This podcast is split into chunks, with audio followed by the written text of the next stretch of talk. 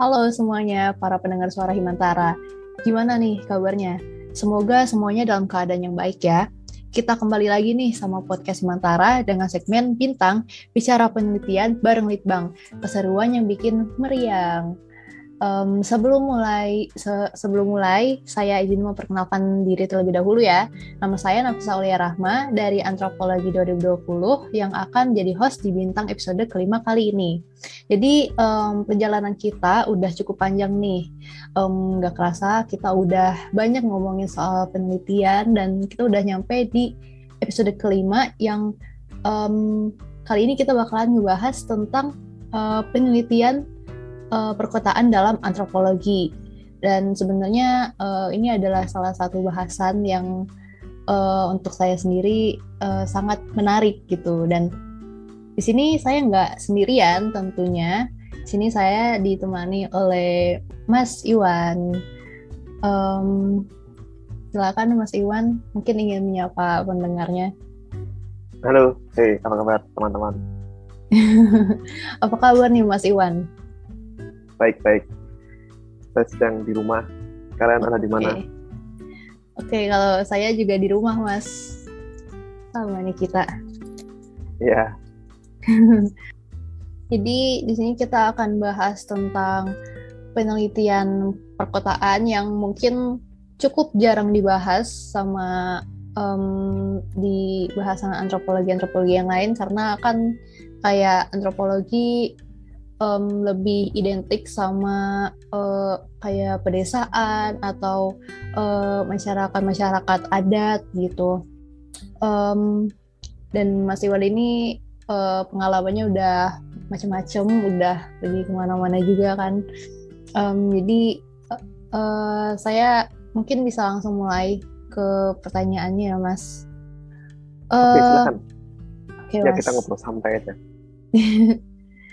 um, kan biasanya kayak yang tadi udah saya sebutin kalau biasanya antropologi itu identik sama uh, penelitian masyarakat kayak kesukuan atau yang kayak tempat-tempat di pedalaman yang jauh gitu kan. Cuman um, dan itu ada daya tariknya tersendiri. Dan kalau antropologi perkotaan ini menurut Mas Iwan sendiri nih um, apa sih daya tariknya gitu yang membedakan sama penelitian yang uh, antropologi biasanya gitu. Oke, terima kasih. Ya, kalau dalam pandangan saya sebetulnya ada ada satu persoalan ya ketika kita membicarakan perkotaan. Sebetulnya hampir selalu kita dalam upaya untuk membandingkan antara perkotaan dan yang bukan perkotaan. Jadi, uh, hampir selalu di kepala kita bila membicarakan perkotaan di sebelahnya adalah perdesaan. Lalu ketika ada antropologi di sana, antropologi nyaris selalu ditempatkan pada posisi untuk meneliti orang-orang komunitas yang tinggal di perdesaan. Nah, itu memang hal yang sering sekali sangat masih banyak kita dengar dan di sisi lain sebetulnya itu bukan bukan tanpa sebab ya kalau dalam pandangan saya ya itu memang sampai hari ini pun sebetulnya kita hidup di kita sebagai mahasiswa antropologi kita sebagai sarjana antropologi itu cenderung punya minat untuk pergi ke tempat-tempat yang disebut bukan perkotaan sebagai wilayah risetnya. Jadi ini pun terbukti ya dari studi-studi skripsi minimal. Ada banyak sekali mahasiswa yang memilih walaupun mereka tinggal di tempatnya masing-masing di kota misalnya tapi banyak yang kemudian memilih riset di samping tempat tinggalnya di desa di sekitar tempat tinggalnya. Nah itu juga kecenderungan ya. Jangan-jangan ini waktunya kita mengambil refleksi jangan-jangan kita memang apakah memang selalu harus meneliti hal-hal yang kita sebut bukan kota atau kota dan bukan kota ini sebetulnya ada di kepala kita sendiri untuk melihat sesuatu kawasan yang bisa dalam artian berada bukan dalam satu derajat yang sama dengan perkotaan. Nah itu yang perlu kita pikirkan ulang. Jangan-jangan sebetulnya kita melihat perkotaan dan pedesaan dalam derajat yang berbeda. Kota berada pada wilayah yang lebih baik ketimbang yang pedesaan, sehingga kita merasa datang ke desa adalah datang ke tempat yang lebih buruk misalnya, sehingga ada persoalan-persoalan di sana, sehingga kita datang ke sana untuk mencari tahu persoalannya apa, kemudian meneliti dan lain sebagainya. Sementara sebetulnya di tempat tinggal kita sendiri itu memuat persoalan-persoalan yang perlu mengundang perhatian kita bersama, yang perlu kita selesaikan barangkali, yang perlu kita dorong untuk terjadi perubahan-perubahan sosial yang lebih baik. Nah itu sebetulnya tantangan kita untuk merefleksikan yang disebut perkotaan itu apa sih. Dan memang, memang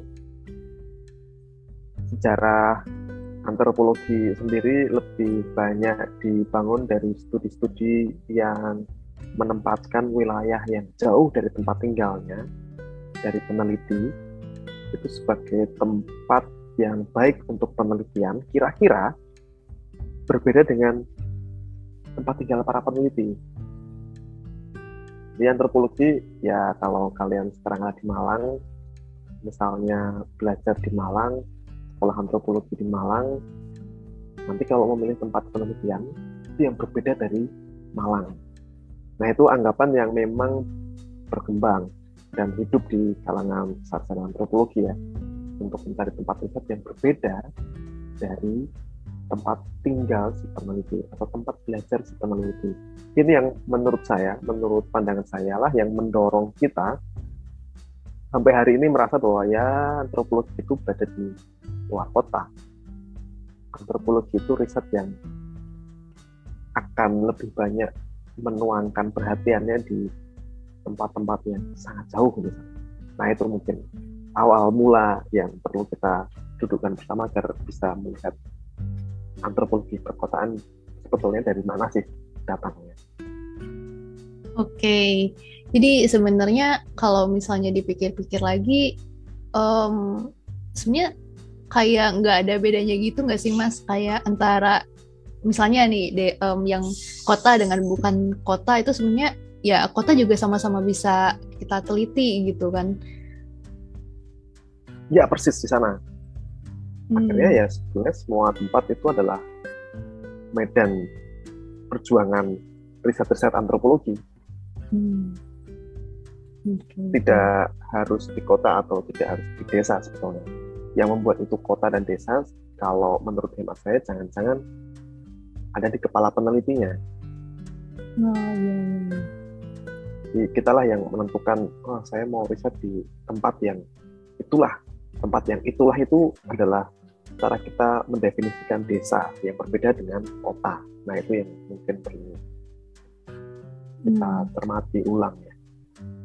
Oke. Okay um, tentunya ini penelitian misalnya uh, penelitian antropologi yang biasanya atau yang udah umum sama penelitian yang di perkotaan itu pasti ada bedanya kan mas. Nah um, kira-kira nih um, entah itu dari jenis kajiannya atau dari metodenya uh, menurut mas apa sih yang membedakannya gitu sama uh, penelitian perkotaan dengan penelitian antropologi yang uh, uh, biasanya dikenal gitu sama mungkin sama mahasiswa mahasiswa yang belajar antropologi gitu. Oke, okay. ya mungkin saya sambil cerita pengalaman kali ya tentang ya, boleh, bagaimana mas. melakukan melakukan penelitian di perkotaan. Ada hal yang menurut saya cukup berbeda karena di perkotaan dibanding dengan pedesaan salah satunya adalah faktor masyarakatnya yang sangat heterogen, sangat beragam. Jadi ketika saya membuat misalnya ketika penelitian di Jakarta misalnya, di sebuah kawasan perkotaan di Jakarta misalnya, kita akan menemui subjek-subjek penelitian yang sebetulnya datang dari beragam latar belakang budaya beragam latar belakang kelas barangkali. Secara kelas sosial mereka terbagi-bagi, ada satu misalnya kita datang ke satu desa ya atau satu kelurahan di sana. Kelas sosialnya jadi sangat beragam.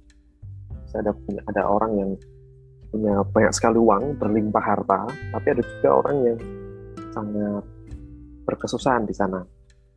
Lalu barangkali ada orang yang datang dari uh, Manhattan kemudian bekerja di Jakarta dan tinggal di kampung tempat kita penelitian tapi juga ada pula orang-orang yang mungkin dari kecil neneknya, kakeknya itu tinggal di RT atau kampung tempat kita penelitian. Artinya sebetulnya riset perkotaan menantangnya adalah pada ya pertemuan subjek-subjek yang sebetulnya sangat beragam. Itu nyaris berbeda dengan ketika kita melakukan penelitian di sebagai contoh misalnya saya melakukan penelitian di Sumba ketika di Sumba saya datang ke sebuah kampung misalnya ya secara umum masyarakatnya warganya adalah orang-orang yang tinggal di situ sejak lahir. Barangkali ada satu dua atau beberapa orang yang pernah pergi merantau. Lalu pulang lagi ke sana ke kampung ini dan ketemu dengan saya ketika penelitian. Nah itulah yang mungkin membedakan ya. Satu sisi warga perkotaan sangat heterogen sementara di sisi lain ketika saya riset di Sumba misalnya cenderung lebih homogen. Walaupun ini relatif ya tapi itu pandangan umum sepintasnya kira-kira demikian. Oleh karena itu tantangannya adalah pada ketika kita melakukan perkotaan ya. Adalah misalnya secara teknis ketika saya harus janjian untuk membuat wawancara misalnya bisa jadi dengan riset perkotaan, terutama yang pernah saya lakukan ya, buat janjian dengan narasumber itu bisa jadi sangat susah, sangat susah.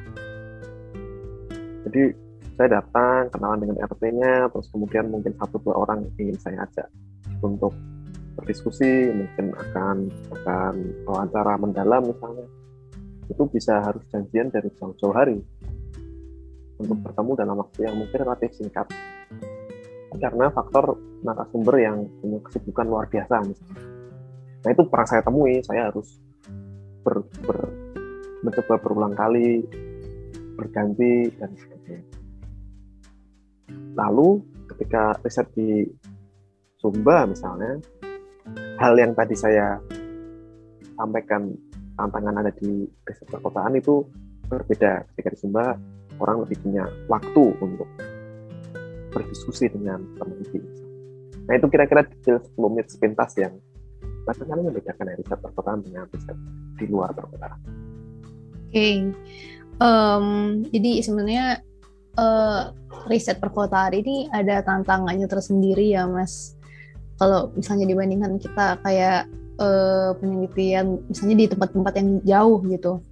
Nah, um, sebenarnya uh, saya ada kayak kebingungan gitu mas. Kayak um, sebelum saya uh, dapat kuliah antropologi perkotaan nih saya tuh kayak merasa uh, apa sih gitu kayak di kota nggak uh, ada fenomena sesuatu gitu. Kayak di kota um, kayak nggak ada apa-apanya gitu. Tapi sebenarnya uh, sebenarnya ada gitu. Cuman mungkin dari sayanya sendirinya aja yang nggak bisa melihat dan kurang peka gitu.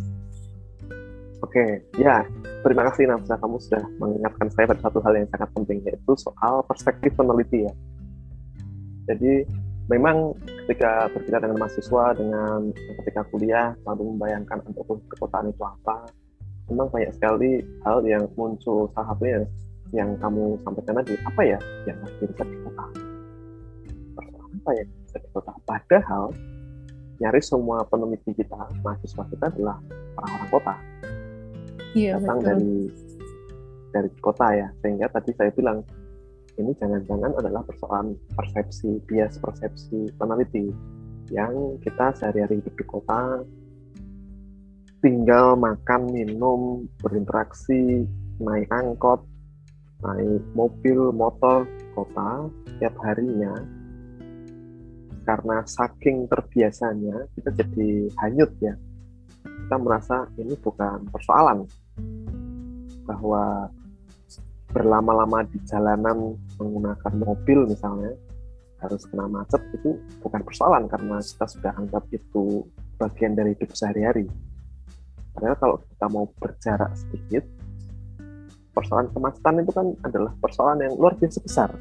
Ada pemborosan di sana, ada waktu yang terbuang, ada tingkat uh, kualitas hidup yang berkurang misalnya. Itu persoalan-persoalan yang sebetulnya perlu dicermati juga.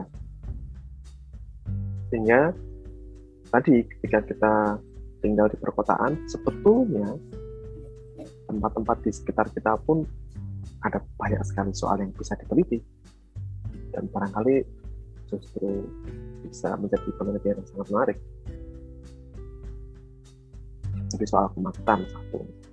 Lalu ada banyak sekali studi lain soal uh, ojek online. Ada belakangan ada banyak sekali kita hampir semua tempat didatangi ojek online ya. Nah itu kita bisa lihat bagaimana pola kerja berubah, bagaimana ojek cara kita bertransportasi menggunakan alat transportasi berubah. Dulu kalau mau berpergian sama sekali tidak bergantung pada handphone ya. Tapi sekarang mau bepergian ada satu faktor lagi yaitu handphone. Sebelumnya kalau bepergian yang, yang penting kamu punya sepeda kamu punya motor kamu jalan. Kalau sekarang satu lagi faktor nih apa? Oh iya barangkali Google Maps barangkali aplikasi ojek online-nya macam-macam. Jadi ada faktor yang kotanya sama tapi ada faktor yang bertambah dan itu menjadi sesuatu yang menarik juga untuk di tahu. Ya hal-hal seperti itu kira-kira. Oke. Okay. um, jadi uh, gimana ya mas? Kayak uh, cara kita tuh biar bisa sadar gitu akan persoalan persoalan-persoalan atau isu-isu yang sebenarnya menarik gitu untuk kita kulik di perkotaan. Yes, ya terima kasih. Ah, saya pikir itu seperti ini. Kita setiap hari itu melihat uh, ketika kita membuka mata sebetulnya hampir setiap saat kita melihat hidung kita ketika kita membuka mata satu-satunya kesempatan kita tidak melihat hidung kita adalah ketika berkedip atau tidur ketika memejamkan mata itu adalah saat yang memungkinkan kita tidak melihat hidung kita. Saat kita membuka mata, sebetulnya hidung selalu terlihat. Tetapi saking biasanya, saking sehari-harinya, dan otak kita sudah merasa sangat yakin hidung tidak akan pergi ke mana-mana, sehingga tidak perlu dilihat terus-menerus, tidak perlu diamati terus-menerus, akhirnya otak ya memilih untuk menghilangkan gambar hidung dari mata kita. Jadi ketika kita melihat keluar, misalnya melihat pemandangan kemacetan misalnya, yang kita lihat adalah kemacetan ya, padahal selalu ada hidung di dalam pandangan kita. Apa yang membuat itu terjadi? Ya, tadi salah satu pendapat saya adalah karena kita sangat terbiasa dengan pandangan itu sampai-sampai kita hanyut dan merasa tidak masalah juga untuk tidak selalu melihat ke hidung. Tidak masalah juga untuk tidak melihat kemacetan. Tidak masalah juga untuk melihat gaya hidup kita di perkotaan. Tidak masalah juga untuk tidak melihat konsumerisme. Tidak masalah juga misalnya kita tidak melihat polusi perkotaan. Karena ya kita hidupnya di situ. Padahal kalau mau berjarak sedikit saja ada banyak sekali persoalan yang membutuhkan antropolog-antropolog seperti kalian. Barangkali membantu kita membuat hidup jadi lebih bermartabat di perkotaan. Hidup jadi lebih nyaman di perkotaan. Perbedaan kelas sosial di perkotaan jadi lebih landai, tidak curam, orang-orang jadi lebih sejahtera misalnya. Nah itu macam-macam yang membutuhkan kerja antropolog kan. Hmm, Kita lihat sekarang ada pengemis di perempatan-perempatan jalan barangkali membawa anaknya itu persoalan-persoalan sosial dan lebih lanjut di antara itu adalah persoalan-persoalan kebudayaan yang perlu kerja antropolog untuk menyelesaikannya. Minimal untuk sadar ya bahwa itu adalah persoalan. Itu yang perlu dilatih memang. Dengan cara apa? Kalau di kuliah saya ada beberapa cara ya. Salah satunya pakai mata. Terus melihat membiasakan melihat. Melihat tidak hanya melihat tapi sambil memaknai apa yang kita lihat itu. Kita bisa cermat dalam melihat. Ada banyak hal yang selalu kita lihat kita bisa memilih mana yang mau kita cermati mana yang tidak. Nah itu yang bekerja adalah otaknya. Setelah mata melihat otak kemudian merespon mengkritisi memaknai. Nah itu kerja antropolog ya kan selain mata kita bisa pakai telinga soundscape misalnya studi soundscape bagaimana motor-motor digeber knalpotnya bagaimana mobil digeber knalpotnya bagaimana suara-suara itu ditimbulkan. Kenapa sih kita harus mengeluarkan suara-suara itu? Rasanya tidak lengkap ya kalau knalpot tidak ada suaranya. Sampai-sampai kalau kalian tahu mobil listrik atau motor listrik itu kan tidak ada suaranya ya. Sampai-sampai hari ini kita membutuhkan tambahan speaker untuk mobil listrik yang sebetulnya sudah tidak ada suaranya. Jadi mobil listrik itu kalau kalian punya itu ada satu fitur yang bisa menyalakan jadi seolah-olah ada suaranya. Jadi artificial suara yang ditambahkan. Kenapa kita begitu membutuhkan suara sih rasanya tidak nyaman tidak mantap kalau knalpotnya tidak diganti dengan knalpot yang bisa digeber rasanya kurang puas kalau suara motornya standar nah itu pertanyaan-pertanyaan antropologis. Kenapa ya demikian? Yang bisa dicermati dari cara kita menggunakan telinga.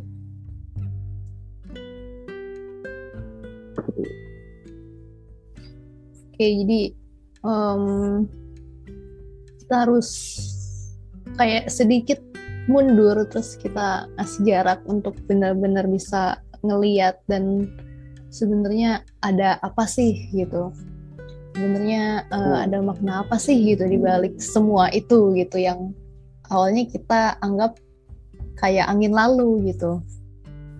Yes. Um, Pada mungkin kita patut untuk menanyakan apa pun sih ya. Oh iya iya iya.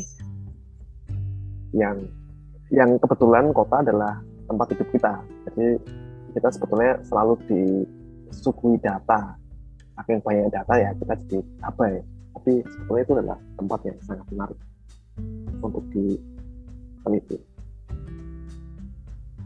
Uh, saya juga kalau misalnya jalan-jalan sore gitu, um, hmm. kadang sambil apa ya, kadang sambil ngeliat tuh tiba-tiba nanya kenapa ya ini um, kayak gini gitu. Sempet saya juga pernah mas kayak um, mempertanyakan gitu. Jadi um, saya ada salah satu seorang tukang parkir yang sering saya temui nih di hmm. kayak KFC gitu.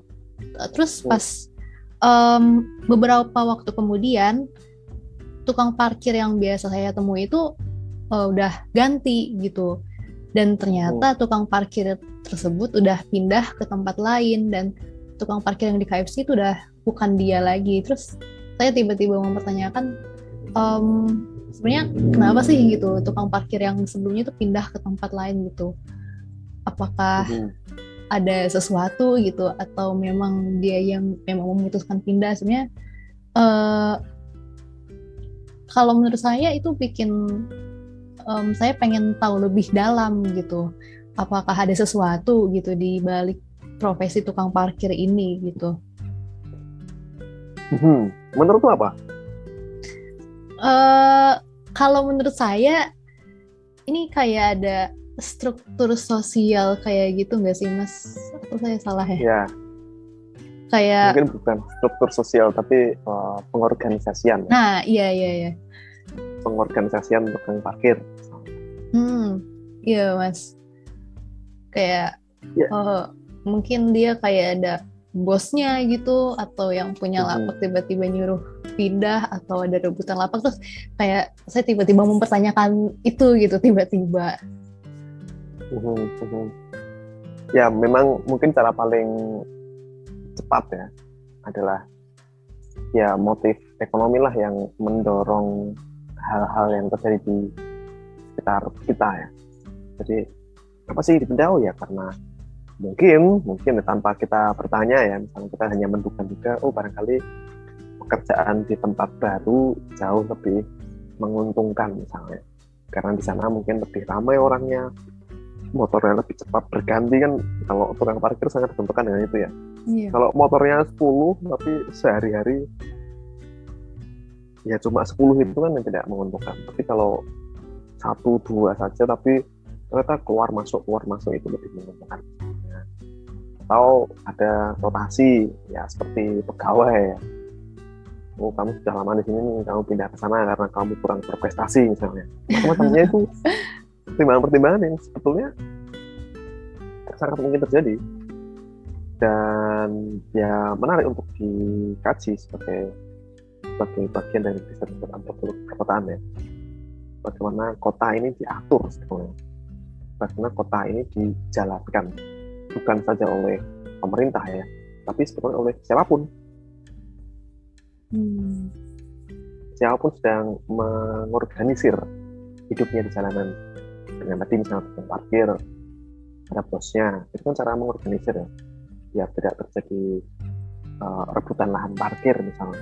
Terjadi konflik yang berdarah-darah penuh kekerasan diorganisir macam-macam. Nah itu itu adalah hal-hal yang sebetulnya ya kalau kita belajar antropologi manusia mengorganisir hidupnya komunitasnya agar agar tidak punah ya agar komunitas perkotaan ini akhirnya survive selamat me- menjalani waktu ke waktu bisa se- sepanjang zaman hidup sebagai warga perkotaan yang tidak punah. Nah itu kan kira-kira butuh pengorganisasian itu pengelolaan ya lewat kebudayaan kebudayaan kalau kita belajar. Eh, mungkin eh, mungkin ini satu pertanyaan terakhir ya Mas, karena kita udah lumayan cukup banyak bercerita. Eh, saya pengen tahu em, gimana eh, pengalaman Mas riset em, perkotaan dulu gitu, kayak Mhm. dulu Mas Iwan pernah melakukan riset perkotaan itu di mana dan em, gimana gitu pengalamannya. Oke. Saya pernah punya cerita yang menurut saya ya sangat berkesan ya. Saya pernah punya pengalaman riset sebenarnya bukan riset antropologi, tapi riset di perkotaan. Jadi dalam waktu mungkin tiga bulan saya berpindah-pindah dari kota satu ke kota lain. Dan itu pengalaman yang sangat berkesan. Di Medan turun ke Padang, turun ke eh, Palembang, turun ke Jakarta, Jakarta ke Bogor, Bogor ke Bandung, Tasik, wah macam-macam ada banyak sekali tempat yang yang harus di riset. Itu dalam waktu mungkin dua atau tiga bulan. Jadi seumur itu saya hidup di jalanan dan di kota-kota tadi. Dan risetnya ternyata sangat menyenangkan dalam artian memang ada tantangannya ya, susah jadi ketemu narasumbernya susah orang-orang sibuk diajak ngobrol agak susah dan sebagai antropolog kita kan terbiasa ya untuk menyesuaikan diri di tempat yang baru agar lebih nyaman. Kita nyaman mencari data narasumber juga nyaman dengan kehadiran kita. Nah karena waktu yang terbatas dan terus menerus berpindah jadi saya sempat seperti limbung ya ini ada di mana sih? Saya saya hidup di tempat yang berbeda-beda karena ternyata uh, apa ya uh, dalam kesan saya ya pindah-pindah itu tuh sebetulnya bukan hanya berpindah tempat, tapi di antara berpindah tempat itu ada pengalaman bertemu dengan orang yang punya background sangat berbeda. Sama-sama kota ya, hmm. semua bisa disebut perkotaan, tapi antara di Palembang dengan di Medan tadi ternyata beda sekali orang. Terus kemudian saya ke Makassar, oh beda sekali ya orang di sini ya. Lalu kemudian pulang ke Jogja misalnya, oh beda lagi ya. Nah itu menurut saya sangat berkesan ya. Riset perkotaan membuat saya merasa ini memang sama-sama kota, tapi sebetulnya prinsipnya pun sama menariknya dengan riset-riset yang ada di luar perkotaan yang dulu dibayangkan para mahasiswa antropologi atau sarjana-sarjana antropologi lebih menarik. Ternyata sama menariknya kok menemukan kesan yang ternyata sangat berbeda dan dan menantang juga kok itu kesan umum yang menjalankan riset itu dan memang satu sisi penelitian perkotaan itu membuat saya berpikir bahwa meneliti adalah pekerjaan yang menyenangkan. Kita bisa bertemu dengan banyak orang, jalan-jalan. Kalau kalian bisa jalan-jalan, ya itu adalah hal yang luar biasa menyenangkan. Itu tiga bulan yang susah buat saya. Tapi karena ketika sudah berlalu, bisa diingat-ingat kembali itu pengalaman yang luar biasa. Itu kali ya. Jadi kalau saya dengarnya itu kayak sangat menyenangkan gitu ya mas hmm. Sampai-sampai kalau itu yang saya ingat ya kalau pagi-pagi alarm berbunyi lalu buka jendela karena itu tinggal di hotel ya di losmen Bung Napat buka jendela itu kita sempat bingung saya sempat ini saya gimana ya? Jadi, sempat mungkin harus menyesuaikan diri 5 sampai 10 menit untuk tahu oh saya di Palembang. Oh saya tahu oh saya di Makassar. Itu pengalaman yang keren sekali semoga kalian juga sempat mengalaminya ya suatu saat nanti oke okay, saya pengen punya pengalaman yang kalau diinget-inget di kemudian hari tuh kayak sangat-sangat menyenangkan gitu dan bikin kangen gitu mungkin mas kenangannya uh, mungkin karena kita udah ada di penghujung mhm. podcast di ujung di ujung pembicaraan kita mungkin bisa Mas Iwan kayak ngasih um, closing statement atau kata-kata terakhir sebelum kita benar-benar menutup bintang um, kali ini boleh Mas? Mhm, oke, okay. ya terima kasih waktunya. Terima kasih sudah diberi kesempatan ngobrol di sini uh, walaupun mungkin masih sangat terbatas kita ngobrolnya dan mungkin saya kurang banyak bercerita tapi barangkali dari sepenggal podcast ini ya saya ingin ngomong bahwa terus perkotaan sebetulnya sangat menyenangkan dan belum banyak teman-teman di antropologi yang menekuninya sehingga saya pikir itu jadi kesempatan untuk dikembangkan di kemudian hari. Dan dugaan saya antropologi di 5 sampai 10 tahun ke depan akan mulai banyak dibutuhkan untuk menjelaskan gejala-gejala di perkotaan sehingga ya sebagai orang-orang yang seperti kalian sedang belajar antropologi mungkin sudah saatnya bersiap-siap menyambut tantangan itu. Wah. Terima kasih banyak Mas Iwan atas waktunya, atas ceritanya dan uh, pembicaraan yang benar-benar santai ini. Saya benar-benar terima kasih banyak Mas. Sama-sama. Mungkin sekian pembicaraan saya sama Mas Iwan. Senang banget karena udah bisa berbagi cerita dan ngebahas sesuatu yang sangat-sangat menarik. Sekali lagi saya ucapkan terima kasih kepada Mas Iwan dan terima kasih juga buat para pendengar bintang yang udah stay dan dengerin sampai saat ini. Saya mohon maaf bila ada dari saya atau Mas Iwan salah-salah kata selama perbincangan kami barusan.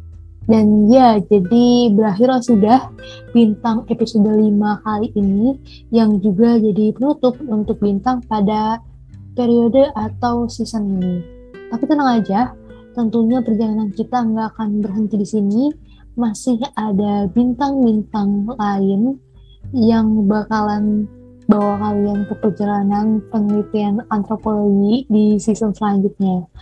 Jadi um, sekali lagi terima kasih dan see you next time. Sampai jumpa di bintang season selanjutnya.